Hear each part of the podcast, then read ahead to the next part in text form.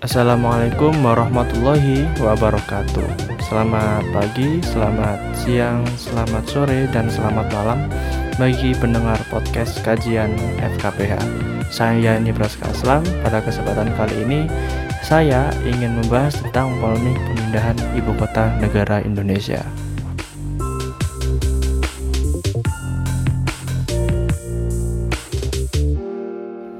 Seperti yang sudah kita ketahui, wacana pemindahan ibu kota negara akhirnya tertuang dalam sebuah undang-undang yang bernama Undang-Undang Ibu Kota Negara atau UIKN yang disahkan pada tanggal 18 Januari 2022 lalu. Pengesahannya ini terjadi hanya berselang satu setengah bulan dari dibentuknya panitia khusus atau pansus UU IKN yang di mana pembentukannya itu uh, diinisiasi pada tanggal 7 Desember 2021. Dalam UU tersebut telah diputuskan nama ibu kota negara baru yakni Nusantara. Dalam pasal 2 UU tersebut disebutkan bahwa IKN Nusantara memiliki visi sebagai kota dunia untuk semua yang dibangun dan dikelola dengan tujuan untuk menjadi kota berkelanjutan, penggerak ekonomi Indonesia di masa depan, sekaligus juga simbol identitas nasional yang merepresentasikan keberagaman bangsa Indonesia. Visi yang sangat besar, ya, uh, dengan perencanaan yang uh, sulit ditemukan. Sampai detik ini saat saya membuat podcast ini ya saya masih belum menemukan perencanaan eksekusinya itu uh, bagaimana. Mungkin belum sempat ditulis kali ya karena saking ngambutnya proses pembahasannya itu. Tapi uh, kira-kira uh, mudah-mudahan sudah ada begitu ya. Nah ini adalah salah satu dari beberapa hal yang dipersoalkan oleh banyak orang terkait dengan kebijakan pemindahan ibu kota tersebut. Oke, mari kita breakdown satu-satu.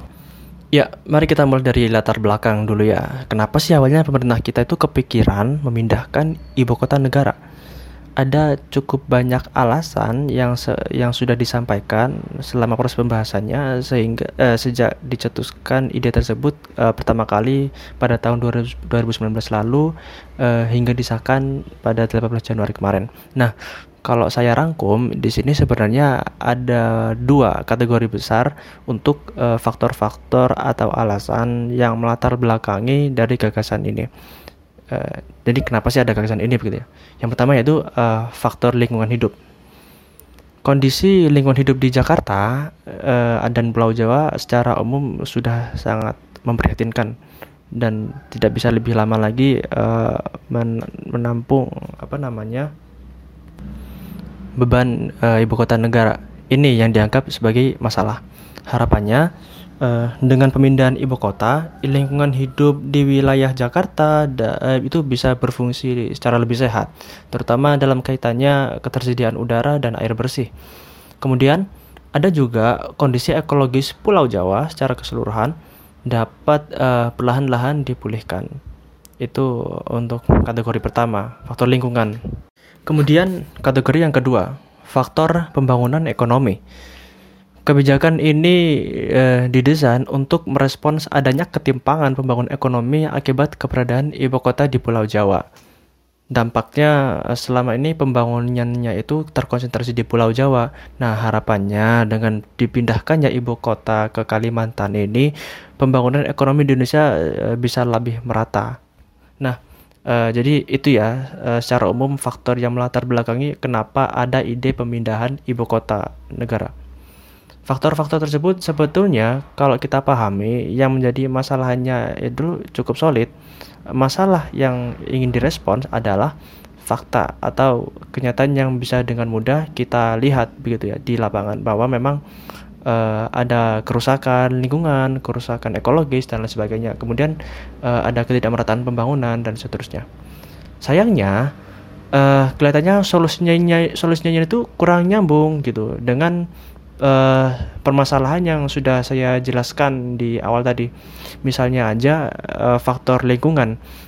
Sudah jelas-jelas faktor uh, masalah lingkungan kita itu terjadi pada umumnya atau sebagian besarnya karena masalah korupsi dan uh, kurangnya uh, keberpihakan pejabat publik atau pembuat kebijakan pada kelestarian lingkungan. Dampaknya apa? Ya, jadinya hukum yang ada ini kurang memadai dan juga penegakan penegakan juga kurang bagus.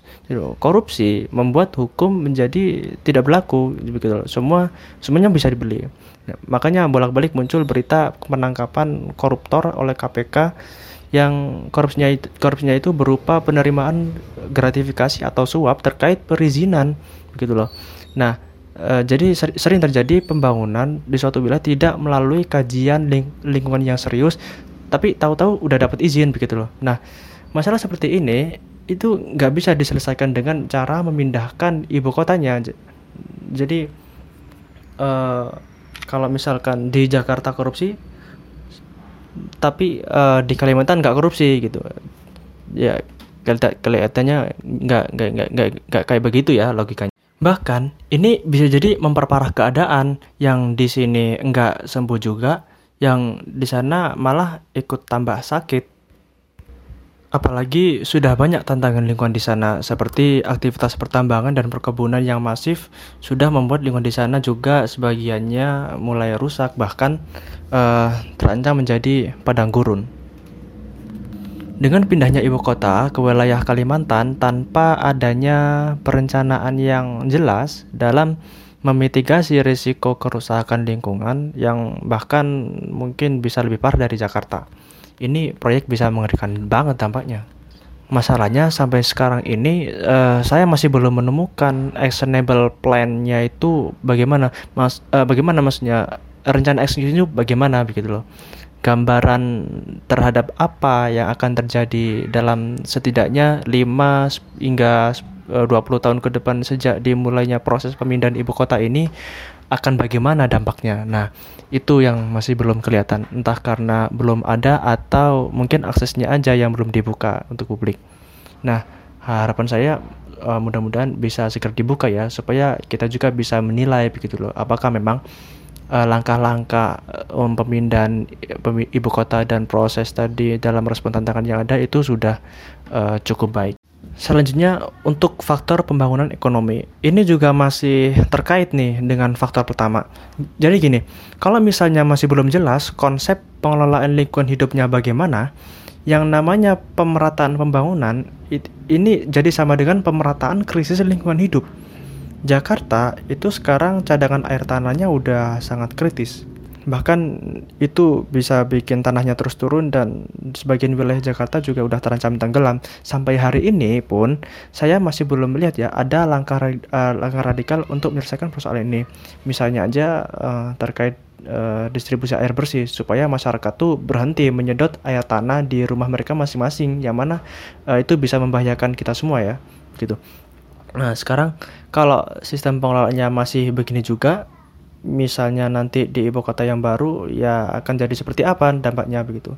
Di Pulau Jawa maupun di Kalimantan kalau pengelolanya lingkungan hidupnya masih sama ya sama juga masalahnya.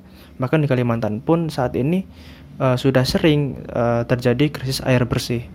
Itu masih baru masalah air ya belum lagi masalah pelindungan satwa yang udah hampir punah atau satwa langka di Jakarta sudah sangat minim ya kehidupan lain selain manusia. Kalimantan uh, itu pusatnya begitu loh, satwa langka yang dilindungi. Dilindungi di sini artinya uh, mereka itu hampir punah ya.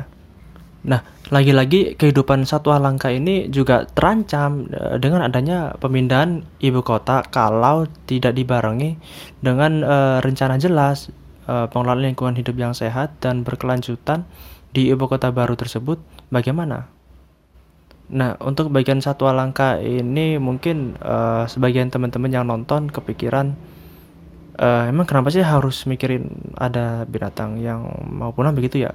Nah, uh, saya tidak akan membahas uh, soal itu di podcast kali ini. Oke, balik ke topik uh, pemindahan ibu kota.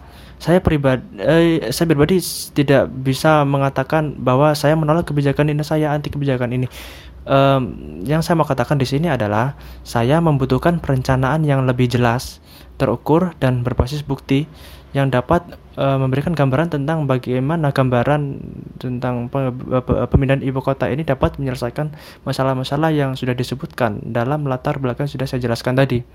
Selama penjelasan ini belum ada, saya juga tidak bisa uh, untuk konsius mendukung kebijakan ini. Uh, saya masih mau optimis bahwa ada orang-orang di pemerintahan uh, memiliki niat baik, tapi uh, seperti yang sudah sering dijelaskan bahwa niat baik tanpa penalaran yang baik akan menjadi dampak yang buruk mudah-mudahan proyeksi nilai uh, proyeksi nilai lebih dari 400 triliun rupiah ini uh, tidak dijalankan secara serampangan ya. Oke, segitu dulu pembahasan kita kali ini. Saya Nebraska Aslam. Sampai ketemu di episode podcast selanjutnya.